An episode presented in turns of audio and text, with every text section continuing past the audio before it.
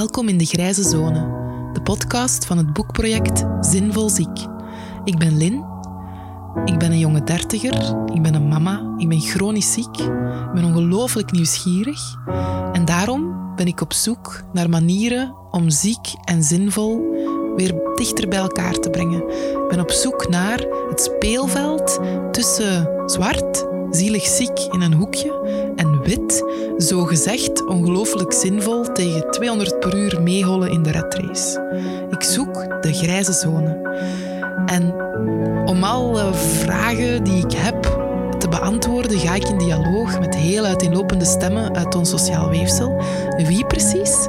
Daarvoor moet je hier maar regelmatig eens komen luisteren. Dat ga ik nog niet verklappen. Heel veel luisterplezier. Welkom in de grijze zone Leni. Wij zitten hier in het uh, binnenplein van Museum Dr. Giselin, waar jij een tentoonstelling hebt lopen met als titel Ongehoord. Uh, maar voor we daarover gaan doorpraten, ik begin de podcast altijd met een woordexperiment, dus ik wil dat met jou eigenlijk ook heel graag doen. Wat zijn de eerste drie woorden die in jou opkomen bij het begrip ziek? Bloed, hart en verhalen. En als je hetzelfde doet voor het begrip zinvol, welke drie associaties krijg je dan? Een, bak vol water. Um... Wacht hoor. Ik ga proberen niet nadenken. Hè. Zinvol. Een bak vol water. Um, zinnen. Oh, ik ben te gefocust, denk ik. Zinnen en... Ja, blauw. Blauw. Ik zie eigenlijk heel veel jou, de kaft van jouw boek voor mij. Ah, oké. Um, ah. ja. Maar ja, dat is natuurlijk, je hebt het al eerder. Ja. dat, is het nadeel dat je dat natuurlijk al weet. Um, oké, en nu, als je ze samentrekt, um, ja. zinvol ziek, welke associaties krijg je dan? Wanneer is iemand in jouw beleving zinvol ziek? Ja, dat heeft heel veel connotaties, omdat ik daar wel in het verleden al over na heb gedacht. En gewerkt of gedacht heb rond um, de must of, of de verplichting bijna om zinvol ziek te zijn. In de zin dat er heel veel boeken verschenen zijn in de memoirboom, dat ergens in 2000 begonnen is. Um, zowel handboeken als zelfhulpboeken, als persoonlijke verhalen. En dat, dat er daar ook zo een norm werd naar voren geschoven hoe dat je best ziek was, bijna. En ik, mijn eerste reflex bij zinvol ziek, hè, dat is niet hoe dat jij het hebt ingevuld natuurlijk, maar is mijn, ik moet daaraan denken van... Er is schoot bijna in een allergie, zo van, oh nee, ja, weer zo'n ja. zo'n zelfhulpboek. van, als je ziek bent, dan moet je maar beter een goede zieke zijn ook. En zelfs in die mate dat vroeger bijna mensen die ziek zijn niet gehoord werden, hè, patiënten ook worden niet gehoord. En dan is daar heel veel verandering in gekomen ingekomen. Je hebt activistische bewegingen, je hebt die memoirboom, de, het ontstaan van het internet, de blogs die verschijnen. Dus juist een soort van proliferatie aan verhalen. En um, wat je dan krijgt is bijna een soort van tegenbeweging van, ah ja, als je ziek bent, moet je erover schrijven, je moet erover vertellen, want anders is het niet oké. Okay. Mm. Ook theoreticussen die daarover na hebben gedacht, een soort van plotstructuren gemaakt hebben. Van, er is een soort van chaosplot, triomfplot en um, quest-narratief. Um, en dat zit daar toch ook, waar je dan denk je, hmm, ja, wat moeten we daar allemaal mee en hoe, moet, hoe moet iemand die ziek zijn, ja, zich daar altijd tegenover gaan verhouden. En... Ja, inderdaad. Ja, daar heb ik ook inderdaad mijn kop over gebroken. Hè, van hoe kun je, kun je vermijden dat je zo ja, die succesverhalen zo bijna. Hè? Zo van, mijn ziekte is een cadeau. Allee, wat, het, wat het eigenlijk echt nooit is. Maar uh, oké, okay, goed. Oké, dat is een goede start. Maar dan gaan we um, over naar jouw boek. Hè, want ik was daar heel hard door geprikkeld. Um, ongehoord, met dan een streep door de on. Um, en eigenlijk in essentie een bundeling van allemaal verhalen van mensen waarbij spreken of communiceren niet vanzelfsprekend is. Hoe mhm. ben je daar toegekomen? Um, ik heb een aantal jaren gewerkt rond zelfverhalen van mensen op het autisme-spectrum die gepubliceerd werden. Um, en nadien zag ik wel van, tja, ik ben toch een aantal mensen vergeten of ik heb naar een aantal mensen niet geluisterd, namelijk de mensen die niet publiceren, maar ook die niet spreken. Ehm, dat is niet helemaal waar. Er waren een aantal auteurs dat ik bekeken had die wel schreven en geen verbaal taalgebruik gebruikten in het dagelijkse leven. Maar toch vond ik dat, dat, dat er bepaalde dingen ontbraken.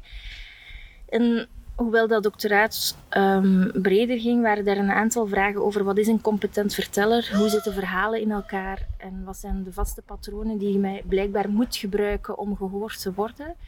Wou ik die gaan herstellen in um, contact met mensen die niet spreken. Dus in plaats van ik die achter mijn bureau mijn boeken een aantal vragen oplos, wou ik eigenlijk vanuit een, een interactie um, gaan, die vragen gaan vastnemen met mensen die effectief geen taal gebruiken om te communiceren.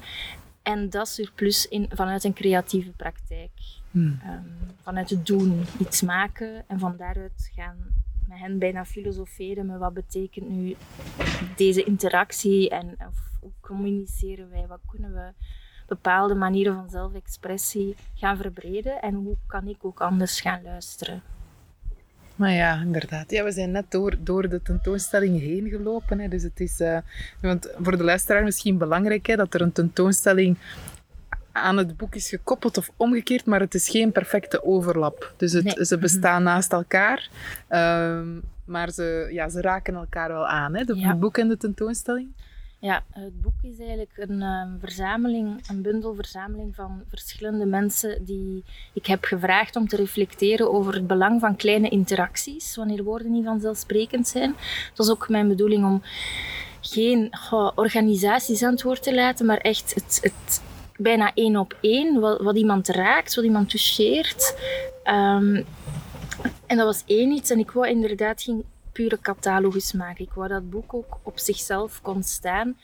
Maar er zijn natuurlijk verhalen, elementen, beelden die in het boek te zien zijn, die ik ook meenam naar de tentoonstelling.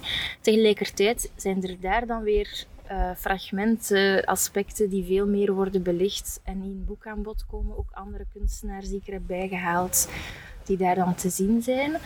En wat ook belangrijk was, is, ja, een boek is natuurlijk weer heel talig. Hè? En ik heb het juist, ik heb het niet over het alleen niet-talige, maar ik dat, dat is toch wel een, een, belangrijk thema. Hoe kan je dat dan doen via een boek en via taal? Hebben dan gewerkt, ik heb gewerkt met een, een, een vormgever waar ik dichtbij sta. En door het boek in blauw te drukken, uh, de papiersoort daarbij stil te staan, um, de tekeningen die er ook per hoofdstuk zijn in verwerkt, uh, toch proberen te werken met de materialiteit en tactiliteit van die taal. Er een soort van tweede laag in zit. Maar in de tentoonstelling komt er nog meer tactiliteit naar boven. Hè. Dus um, je, mag heel veel dingen aanraken, over glas lopen, aan touwen komen, touwen knopen, touwtjes meepakken. Um, um, tekenen op de muur, aan cellofaan komen. Er zijn ook verschillende geluiden. Uh, wel goed, voor sommigen is het misschien al te veel, maar het is wel afgestemd op elkaar. Het is een soort van geluidshuis bijna, maar je hoort, je hoort wel wanneer dat je waar staat of bij mhm. welk werk. Uh, stenen die dus over elkaar rollen in de mond of het geluid van de schommel. En dat was wel belangrijk voor mij om die zintuigelijkheid in de tentoonstelling naar boven te halen. Oké. Ja, en van, van, um, ja, van alle verhalen in het boek, is er een dat er, dat er voor jou uitspringt of dat jou, dat jou bovengemiddeld raakt? Oh. oh, dat is een hele moeilijke. Nee, ik ben eigenlijk wel gek van alle verhalen. Ze raken mij allemaal. Um, nee, ik kan daar zo niet eentje uithalen. Maar uh, ik weet wel nog dat toen het verhaal van Alain Platel binnenkwam, dat ik niet goed was. dat, uh, dat gaat natuurlijk niet over vandaag, hè. dat gaat over een, een, psychiatrische instelling lang geleden. En tegelijkertijd. Um, ja, was, gisteren had ik een gesprek nog met iemand en uh, ze maakte de vergelijking met hoe mensen, um, oudere mensen in een instelling, hè, van, om, als ze dement zijn of zo, hoe dat zij soms gevoed worden. En dat is dan gewoon een boterham met paté en melk in een blender. En dat doorgeslikt krijgen, dat is niet eens lekker. En dat deed mij dan wel weer denken aan het verhaal van Alain Platel, die het dan heeft over een jongen die ook heel bruut gevoed werd eigenlijk in een instelling, op, van op de grond, niet eens in een stoel. Hij was daar als student orthopedagoog zo door gechoqueerd dat ze zei, mijn taak de komende twee maanden is die jongen eten geven en een boterham laten ruiken en mijn tijd nemen om die eten te geven. En je kunt ergens denken van dat is lang geleden, hè, de situatie die hij schetst. Maar dan gisteren met dat verhaal te horen van, mm. van een ouderentehuis, zeg ik shit zeg. Ja, ik denk echt dat dat nog veel vaker dan wij denken, dat mhm. dat, dat door de denk bijna de onmacht van het niet rechtstreeks kunnen te communiceren en niet gewoon kunnen vragen van wat wil jij graag, hè? hoe wil jij je boterham eten, dat mensen gewoon denken het belangrijkste is dat dat erin geraakt. En dat er mhm. zelfs niet... Alleen dat de mensenwaardigheid daardoor misschien zelfs meer naar de achtergrond verschuift. Allee, waarschijnlijk ook door de druk die heel veel zorgverleners ervaren op, op hoe ze moeten werken. Kan, allee, dus kan me er inderdaad bij... Dat was inderdaad ook een heel aangrijpend stuk bij het lezen, dacht ik. Wauw. Alleen, en het is ook zo visueel geschreven dat je ook precies ineens daar staat en dat ook allemaal ziet ja. gebeuren. Um, ja. En misschien moet ik dan zelf iets op een verhaal op tafel leggen. Hè, dat, dat, bij mij, dat, allee, dat mij heel hard um, getoucheerd heeft. Dat, dat, is Sophie, haar verhaal.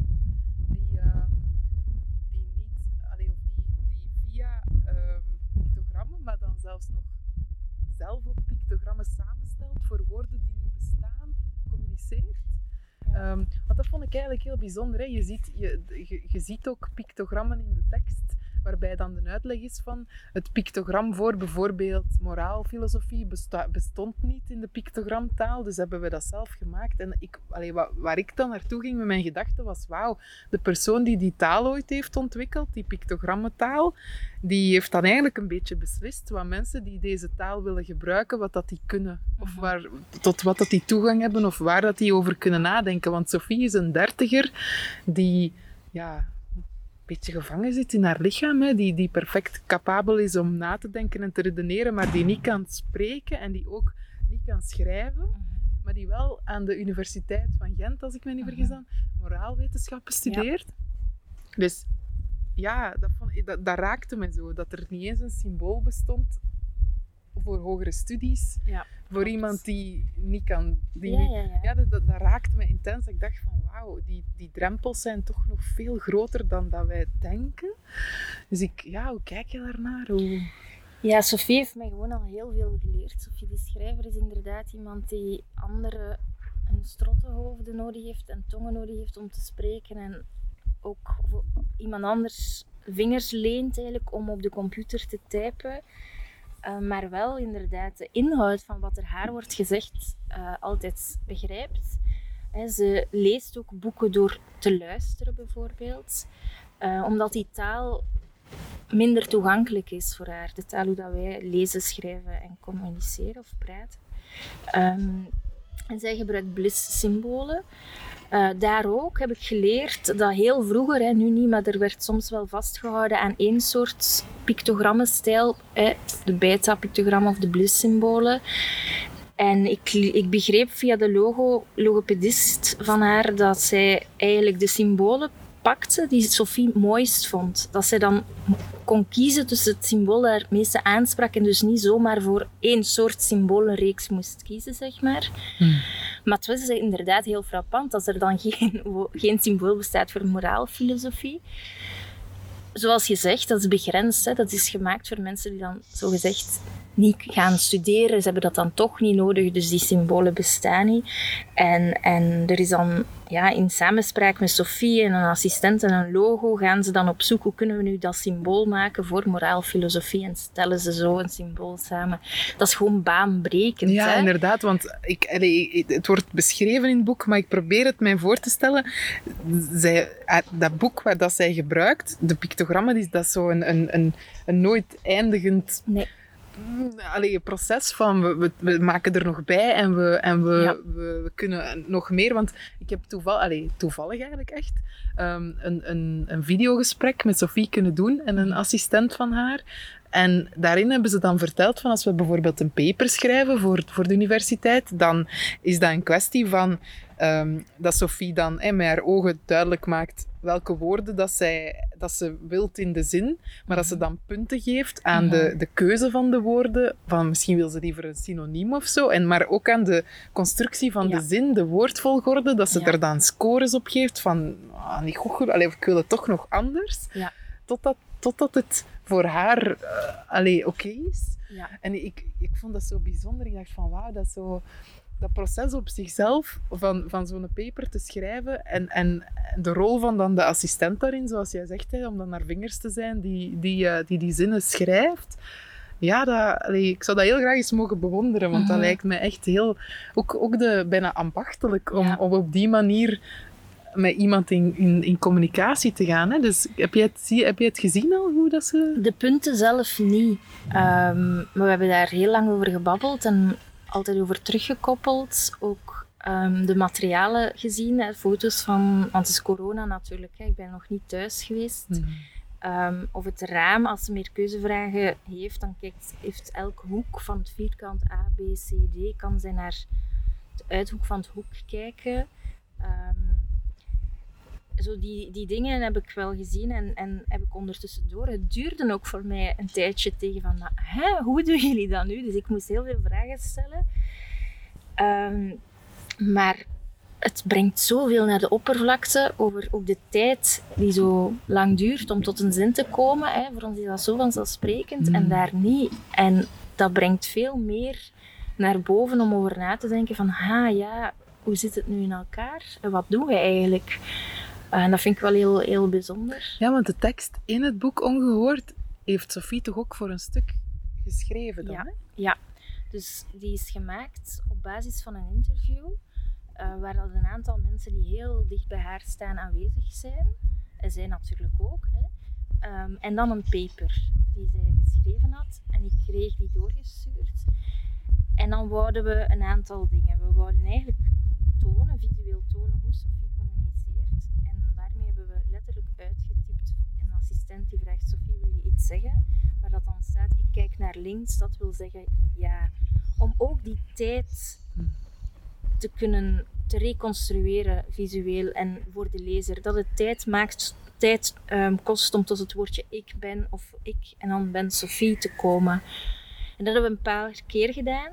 En in het begin met ik, maar dan het woordje moraalfilosofie. En zo eigenlijk ook opbouwen, waardoor dat je de chronologie ehm, ziet dat Sophie ook wel evolueert in haar communicatie. Hè, want zoals gezegd, die communicatieboeken groeien aan naarmate wat Sophie nodig heeft. Ehm, en met wat dat ze bezig is. En zo blijft dat zoeken natuurlijk. En is het boek, communicatieboek nooit af. Want je wordt ouder als mens, je evolueert. En dat is, dat is toch dat is niet anders bij haar. Ehm, en dan heb ik wel ook gezocht naar hoe Sophie voorstellen. Hè. Ik wou het niet hebben over wat ze allemaal niet kon. Ik Mm. wou niet zeggen, ah, Sophie kan niet praten, ze kan niet schrijven. Ik vind dat niet relevant. Tegelijkertijd moeten we wel aan mensen duidelijk maken die Sophie niet kennen hoe anders het communiceren is. En dan stuiten we eigenlijk heel snel op, er bestaat geen mooie taal om dit te zeggen. We hebben heel weinig woordenschat om in niet-diagnostische, niet-medische termen of in niet-niet-termen te zeggen hoe dat het verloopt.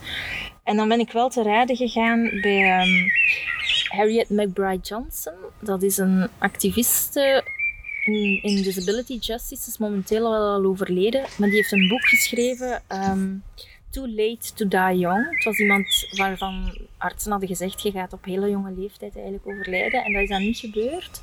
En ze heeft daar een, een, ja, een boek over geschreven. Het gaat ook over disability justice en het werk dat ze daarin doet. Ehm, maar ik vind haar taal heel mooi, heel krachtig en heel poëtisch. En ik heb dan eigenlijk in samenspraak met Sophie, ik heb haar dat gezegd, van kijk, die pagina, ik ben daardoor heel hard geïnspireerd. Wat als we dat zouden nemen om over u te praten? Ehm, en zo zijn we die tekst beginnen construeren. Dus letterlijk de, haar communicatiebewegingen uitschrijven, dan de paper van Sophie, dan de stemmen van de mama-assistenten, zo allemaal verweven. Er staat ook niet bij, nu spreekt de mama of mama dubbelpunt, omdat ik dat niet wou. Het is allemaal het verhaal van Sophie.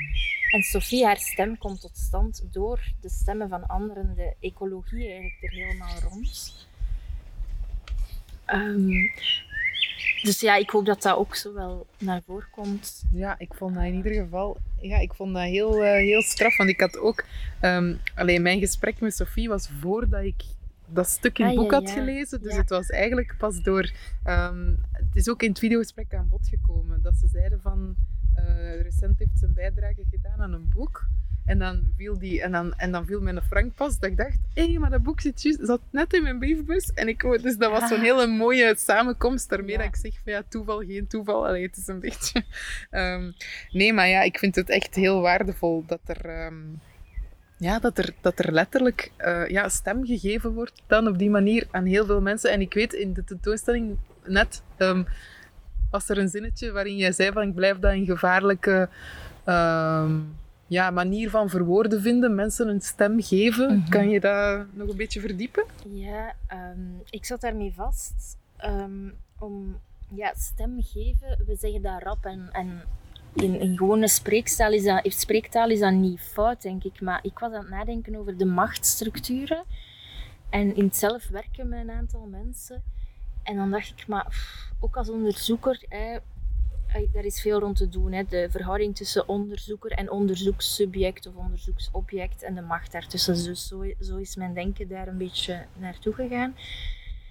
En stem geven, als ik iemand stem zou geven, neem nu bij Helene, dat is ook een, een jonge vrouw die niet praat met woorden.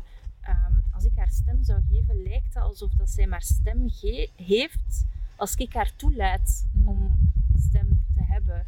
Of alsof dat mijn capaciteit om te luisteren haar stem definieert. En dat vind ik heel gevaarlijk, heel hmm. fout. Zij heeft stem, maar ik kan gewoon niet luisteren of ik luister niet genoeg. Um, en dat haakt ook in natuurlijk met ja, wat ik dan doe. Ga ik, rij ik niet over haar bijna of, of pak ik niet te veel agency over, maar dan gaat het natuurlijk ook over afhankelijk, het verhaal rond afhankelijkheid. En ehm, dan is het een collega van mij, Elisabeth de Schouwer, die mij er altijd op wijst van kijk, soms, je kunt macht niet negeren. Die hiërarchie, die zit daar. Maar je kunt er wel heel bewust van zijn. En misschien is het niet afhankelijkheid, maar interafhankelijk. Hmm. Ehm, dus op die manier ja, probeer ik daar wel over na te denken. En ook stem. wij hebben alleen maar sinds Plato, Aristoteles, als je naar filosofie kijkt, als er over stem wordt gesproken, dat is zo individualistisch en, en er is een heel jargon rond opgebouwd. En we hebben eigenlijk geen andere woorden om over stem te praten. Die ecologie die aan bod komt ehm, bij iemand die op een andere manier praat, ja, dat is gewoon heel moeilijk om dat te verwoorden zonder niet zo heel zweverig te worden of zo. Hmm. Uh, maar bij Sophie zijn het andere strossenhoven die effectief het geluid produceren. Um, of, of ja, haar objecten die ze heeft zijn even belangrijk dan, dan ons trottenhoofd bijvoorbeeld. Um, ja, dus op die manier. En ook bij Helene, zij gebruikt niet haar strottenhoofd, maar daar is haar lichaam wel heel belangrijk in communiceren. En als je lang bij Helene bent, dan leert je ook hoe... En dat zal bij Sophie ook zijn, maar ik ken Sophie nog niet in die mate. Ehm, maar dat je lichaamstaal heel veel kunt gaan lezen. Maar ook het feit als ze ja, bang, droevig, zo die, die emoties, die voelt je dan bijna zelf door de zwaarte of de lichtheid waarmee dat ze zich op je schoot werpt of je aanraakt. Of de, de druk van haar hand, dat heeft wel allemaal een betekenis Ehm, en dat vind ik heel boeiend, hoe dan ook die stiltes bijna gradueel anders, andere betekenissen genereren. Ja, nee, inderdaad, heel bijzonder. Ja, en in het boek, het, is, het gaat natuurlijk niet alleen over mensen die letterlijk niet kunnen, allee, die mhm. letterlijk hun stem niet gebruiken. Het gaat ook over dingen proberen te vertellen waar we doorgaans ook niet veel woordenschat mm voor hebben.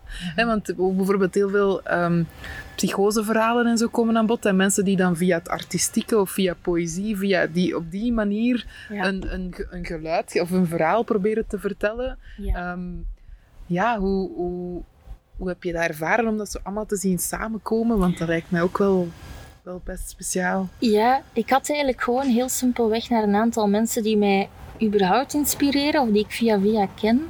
ehm, een mail gestuurd met allemaal dezelfde vraag.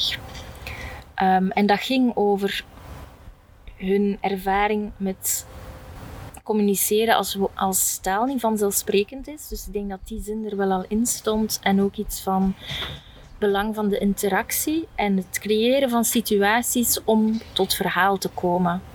En verhaal mocht dan breed geïnterpreteerd worden.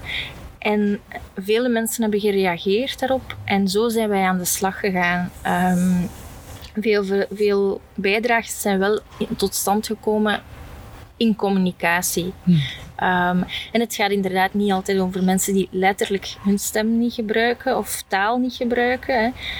Um, wel in het eerste deel, maar het tweede deel gaat dan over ontmoeting en het belang van die ontmoeting om eigenlijk bepaalde drempels over te gaan. Um, daar ja, ook Hanne van den Bussen en Ellen Vermeulen bijvoorbeeld, die hadden in het verleden een, de film Inclusief gemaakt over de stem van kinderen over inclusief onderwijs.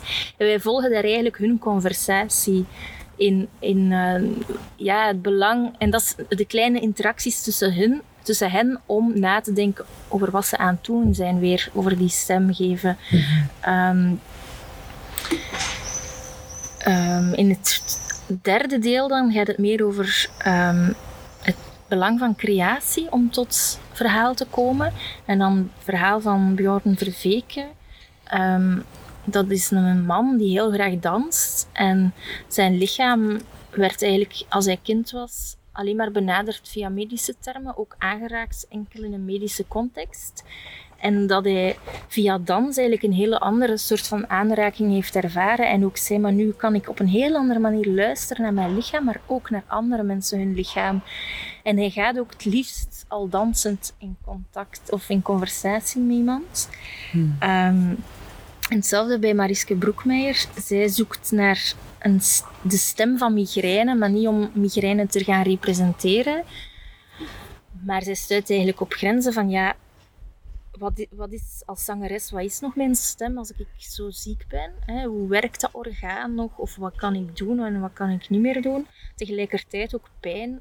Oh ja, wat is dat pijn? Hè? De hmm. dokter die vraagt van 1 tot 10, hoeveel pijn heb je? Daar zijn ook geen woorden voor. Um, dus het zijn al die thema's die eigenlijk samenkomen. Dus in die zin gaat het heel, heel breed. Maar het is wel gebundeld. In, in het eerste deel gaat het echt over ja, wat als er geen stem is zoals wij die kennen. Dan in het tweede deel meer over het belang van ontmoetingen. In het derde deel um, ja, het, het, creëren, het maken om die vooraf gaat. Het contact met materialen, ook bij Marieke van de Kastelen, die bijna eerst moet stikken met stikmachine. Om zelf bijna te beseffen um, van, ah ja, het is dat dat ik wil zeggen.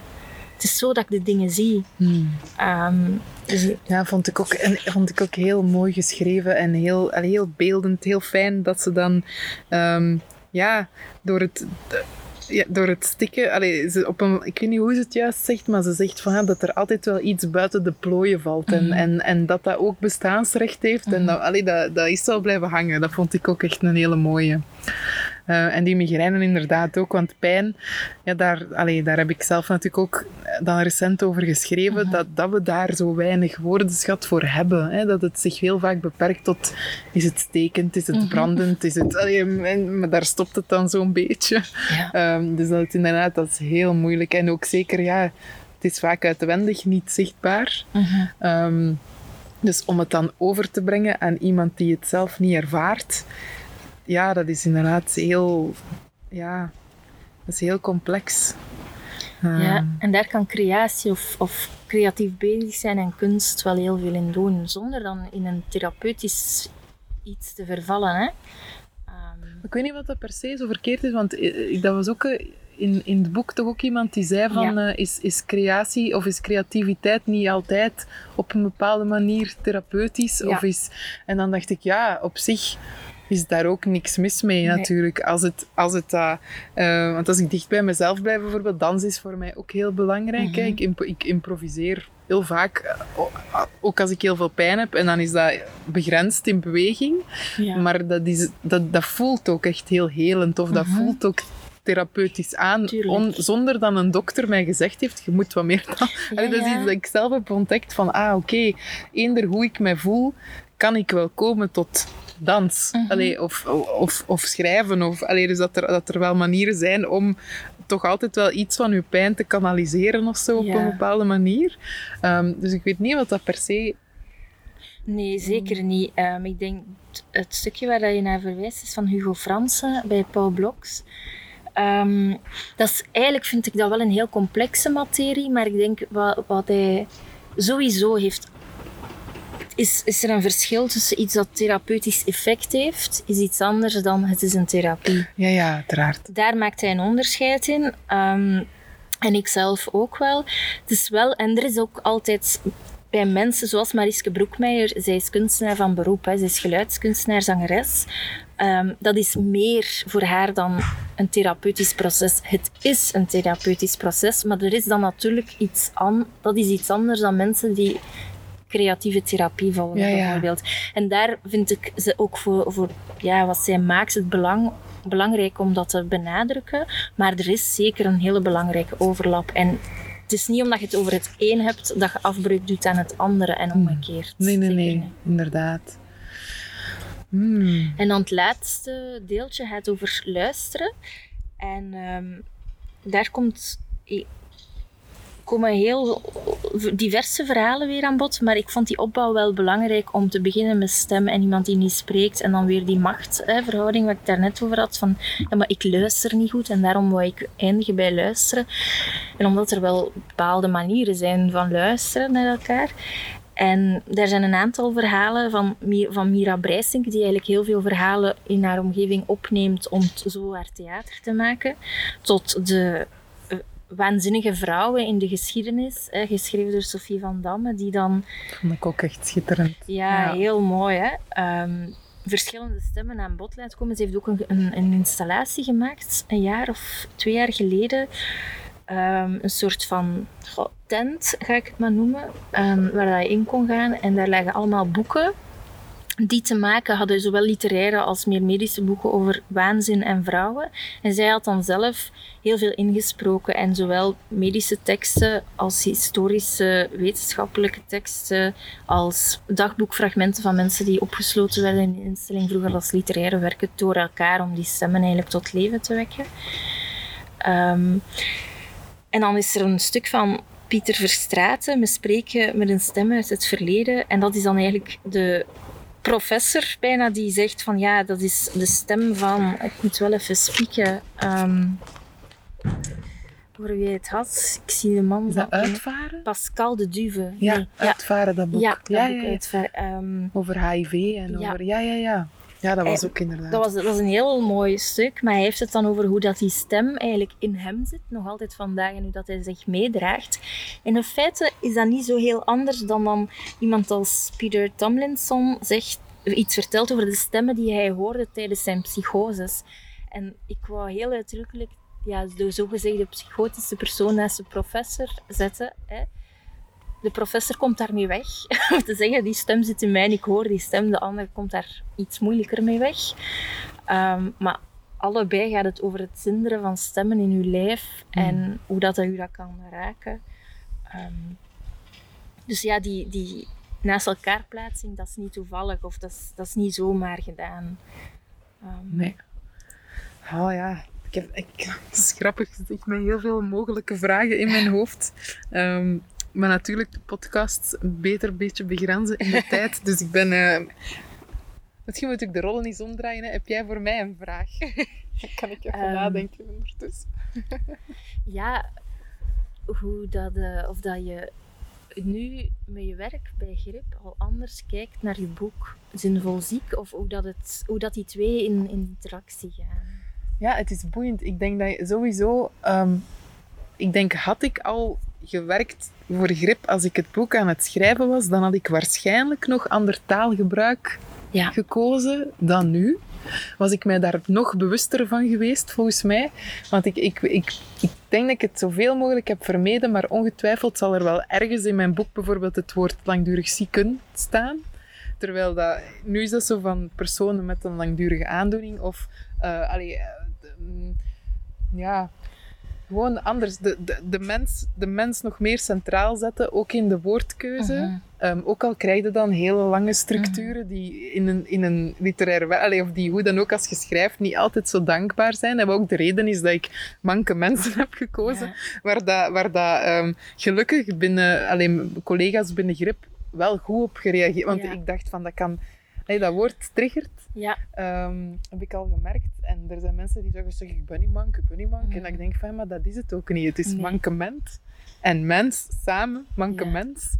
Maar dan nog, ehm allee, bedoel, met de nadruk op mens. Maar je merkt, de gevoeligheden zijn, zijn wel groot. Maar vooral, ik, ik, ik, ehm, het is vooral door de ontmoetingen, ook al waren ze helaas virtueel, maar door de ontmoetingen die ik de voorbije maanden heb gehad, met heel diverse mensen, met heel diverse beperkingen, ehm, dat mijn blik nog veel breder is gegaan en dat het belang van het laatste stuk van mijn boek, waar dat echt op zoek gaat naar hoe kunnen we... Allee, wat eigenlijk, zonder dat ik het goed wist, eigenlijk gaat over inclusie, want ik had daar nog niet zo bewust over nagedacht, maar dat is wel waar het, waar het over Ja, ja. gaat.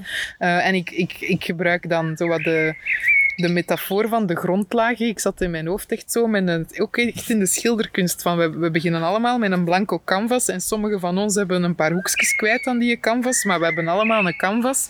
En het zou een mooiere samenleving zijn als we onder hoe je canvas er ook uitziet, ehm, allemaal dezelfde grondlaag kunnen krijgen. En allemaal van waaruit we dan zelf, ehm, ja, ik weet niet, alles kunnen, de, de lagen die je er dan bovenop legt, kun je dan zelf bepalen, maar dat we allemaal toch vanuit een gelijkwaardige startpositie zouden kunnen vertrekken. En het, het is door, door, ehm, ja, het is door nu voor grip al een paar maanden mee te draaien dat ik extra besef van dat, hoe belangrijk dat, dat is en hoe, hoe ver weg we van dat ideaal zijn en hoe eh, ontmenselijkt dat beleid ook is. Hoe dat die alleen nog maar denken in geld en in budgetten en, en, en jij ze, uw probleem is zoveel geld waard en uw probleem maar zoveel en, en eh, jij zet prioriteit één, maar jij eerder drie. Gewoon zo dat, hoe dat vind ik eigenlijk echt waanzinnig. Dus daar, daar ben ik... ehm, ja...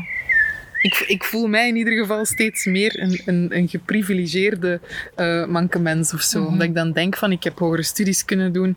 Ik kan, ik kan nog werken. Ik kan niet voltijds werken, maar ik kan wel werken. Uh, ik heb een stem, ik kan spreken, ik kan schrijven, ik kan nadenken. Ik kan, ik kan heel makkelijk ontmoeten. Uh, al die dingen die helemaal geen evidentie zijn voor zoveel mensen. Ja. Dus dat heeft me zeker...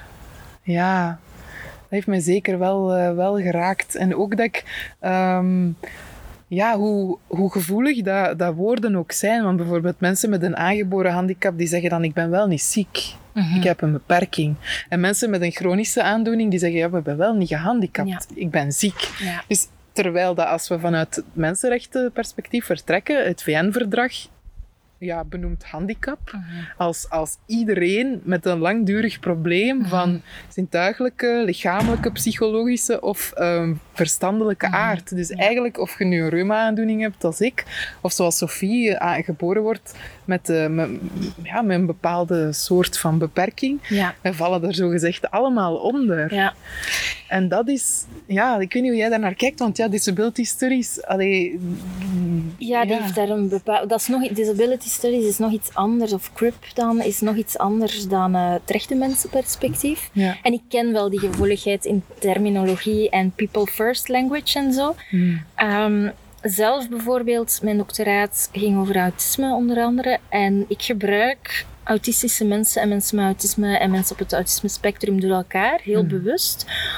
Omdat in die community of gemeenschap dan vooral mensen met een diagnose zelf verkiezen eigenlijk autistische persoon. Omdat ze zeggen, mijn autisme is geen zakje dat ik s'avonds aan de klink hang en het is gedaan. Um, ouders van zeggen liever mensen met autisme inderdaad om die mensheid Hmm. mm. te gaan benadrukken. Een tegenargument vanuit de disability community is dan weer van ja, maar moeten wij onze mensheid of menselijkheid meer gaan benadrukken dan iemand anders? Dat is niet eerlijk. Dus er zijn overal pro en cons. Hmm. Um, en ik heb iets van ja, identificeer u hoe dat je het zelf liefst wilt. En in wetenschappelijke teksten moet ik mij daar altijd voor verantwoorden en moet ik een voetnoot plaatsen waarom ik de beide termen gebruik. Ik heb onlangs nog iets voor een comment voor een heel medisch tijdschrift geschreven en ik had gebruik gemaakt van autistische mensen, een autisme community en dat is geschrapt. heb ik toch proberen te zeggen van, kijk, ik doe dat Bewust. bewust. Ik, je ziet ook bijvoorbeeld in wetenschappelijke teksten wanneer dat er pure klinici aan het woord zijn, want die gaan people first language gebruiken. En als er ja, ervaringsdeskundigen of zo, of mensen meer vanuit disability justice, die gaan autistische personen gaan gebruiken. Het is nu één groep waar ik over spreek, maar eigenlijk geldt dat ook over um, handicap, gehandicapte personen. Hè. Dat is een beetje hetzelfde in de disability justice beweging, wat nog iets anders is dan mensenrechtenperspectief gaan ze um, ja, dan niet meer doen eigenlijk vanuit een heel bewust iets. Um, maar, en dan kreeg ik bij dat medisch tijdschrift wel een reactie terug. En dan, dan moet dan toch nog even op de editorial board besproken worden. Dus ik, ben, ik heb nu moet, mijzelf moeten schikken naar mensen op het spectrum. Um, maar ik denk dat het toch wel nog een issue is waar ik een keer ga voor aankloppen. Nu, woordgebruik blijft iets heikel. Hè. Ook metaforen. Um, een blinde vlek bijvoorbeeld, dat is een validistische uitspraak. En dat wordt heel vaak terloops gezegd. Mm. Um, natuurlijk, ik wil, ik wil ook niet dat mensen te politiek correct worden en Ja, te absoluut. voorzichtig, want dan gaan ze niet meer spreken. En ik heb Nee, juist, nee, nee, ik maar- juist en- het gesprek op. Ja, en ook in die wrijving, allee, letterlijk, in de wrijving zit het vuur. Dat komt uit, eh, uit een zwijgen is geen optie, een zin dat mijn kaart is, Ja. is, is bijgebleven. Dat ik dacht van, op zich, als mensen getriggerd worden, ook bijvoorbeeld, ook bijvoorbeeld door... ehm, Bijvoorbeeld door het woord mankemens of door de samentrekking van zinvol en ziek. Als dat mensen triggert, dan denk ik, doe maar. Hè? En praat met mij, communiceer Ja. met mij. Dan kun je komen tot, tot, tot zo'n wederzijds begrip van... Waarom raakt u dat nu eigenlijk? En waarom, waarom vind je dat... Allee, maar, maar ik heb soms de indruk dat we, dat we verleerd zijn bijna van dat, Mhm. van dat te durven vragen. Zelfs van waarom doet, doet u dat pijn? Letterlijk die vraag. Dat we daar niet echt nog veel tijd voor maken. Of, of vanuit een schrik om... Ik weet niet. Het antwoord niet te kunnen Ja, ja, ja. omarmen. Of, allee, Ja. ik, weet, ik weet niet hoe, dat, hoe ervaar jij dat in, in onze huidige samenleving? Want ja, iets als ongehoord. Hoe bespreekbaar ehm, is het thema? Hoe bedoel je Ja, hoe bespreekbaar is... Allee, allee, heb je ervaren door die tentoonstelling in dat boek dat, ehm, dat het makkelijk is om te, om te spreken over mensen die niet, niet spreken? Of, of, of... Ja, er, er is eigenlijk heel veel reactie op gekomen. En ook van mensen, zowel mensen die niet kennen als mensen die wel in contact komen met mensen die anders communiceren. En het toffe is dat iedereen er wel iets uithaalt en mij ook nieuwe ideeën geeft of mij inspireert. Ehm, ik heb geen ongemak gevoeld eigenlijk nu. Ehm, ik heb meer ongemak. Als, als ik probeer uit te leggen wat voor mij disability justice en CRIP is, dan voel ik meer ongemak. Ehm, maar we zijn door met een aantal mensen aan het proberen dat woord meer op de kaart te zetten van Ja. CRIP. Ehm, dat is nog eventjes en ik denk bij sommigen vinden het aantrekkelijk en sommigen minder. Maar ehm, ja, we zullen zien waar dat het ons brengt. Ja, misschien moeten we de luisteraar toch ook zeker nog een leestip meegeven. Hè? Want eh, de meest recente recto verso staat helemaal in teken van CRIP. Ja, ja. En als ik mij niet vergis, was het gisteren dat jullie daar een, eh, een live lancering rond Ja. hebben gedaan. Dus heb je daar dan ook uitgelegd wat CRIP betekent? We hebben dat daar niet meer gedaan, ehm, omdat er eigenlijk in het magazine zelf een heel artikel staat over wat CRIP is. Ehm, gewoon ook waarvan dat het komt. Hè. Het is een Engels woord voor kreupel. Ehm, en het is ook te lezen en te beluisteren via luisterpunten, dus we hebben dat eigenlijk niet meer herhaald. Eh, maar om dat heel kort te schetsen, is is eigenlijk een eh, woord dat gereclaimed is in de jaren 90 door tijden van de mensenrechten of de burgerrechtenbeweging. Ook voor mensen die gehandicapt zijn en die eigenlijk ook juist die wrijving waar je het dan net over had, wat opzoeken. Hmm. Hè. Ehm, en zo'n heel hard woord dat eigenlijk als verwijt diende tot, tot hun hebben gepakt, hè, kreupel. En in de theorievorming meer gaat dat eigenlijk, leunt dat heel goed aan bij justice. Het gaat niet zozeer over dat, welke handicap dat je hebt, of dat je nu ziek, ziek bent officieel, of een, of een handicap hebt, of dat je ouder bent van. Eigenlijk gaat het over een, een blik, een attitude, een kracht om het normatieve te gaan bevragen. Ehm, het gaat ook niet meer over een identiteitspositie, maar over iets veel, dat veel fluïde, fluiditeit in zich draagt.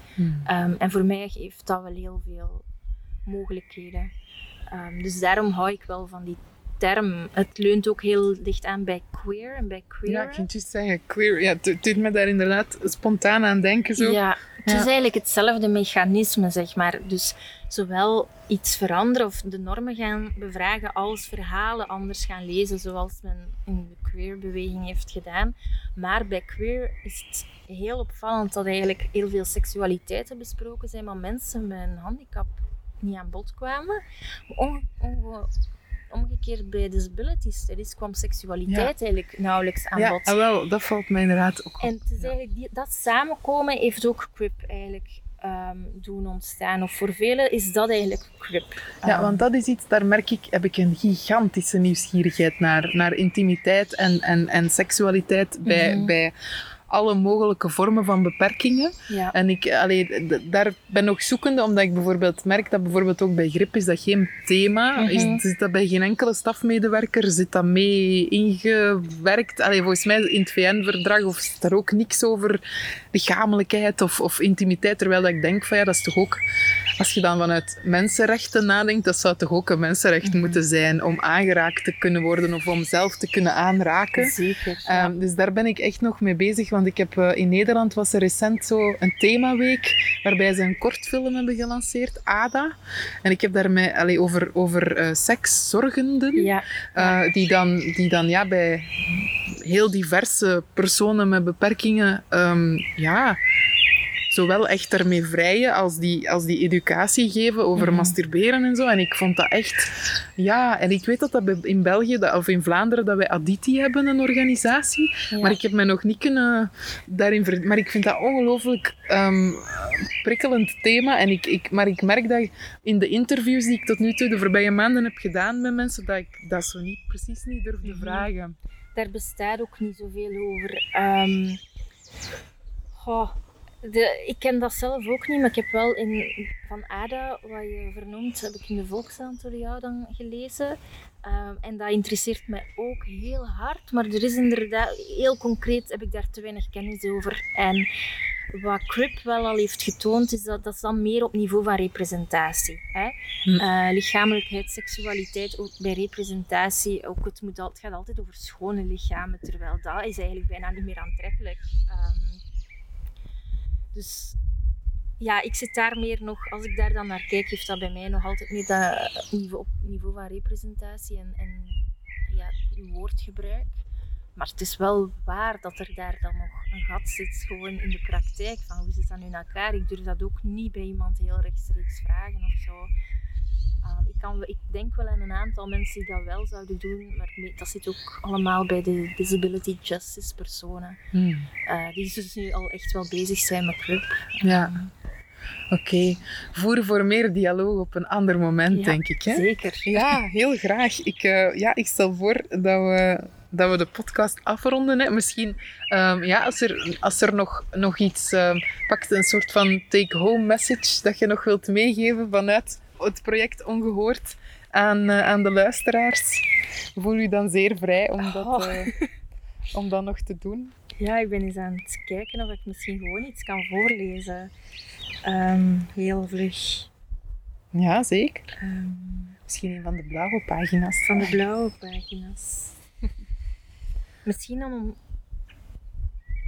gewoon terug te gaan naar het stem. Het, de eerste blauwe pagina Ja. over wat stem is. Graag. Als iemand geen stemgeluid maakt om te praten, wat wil dat dan zeggen? Dat iemand niet spreekt? Dat iemand geen stem heeft? Dat iets onzegbaar is? Of luister ik niet goed? Wat is dat eigenlijk, stem? Is dat te alle allen tijden iets individueels? Of zou ik ook iemands anders trottenhoofd kunnen lenen om te spreken?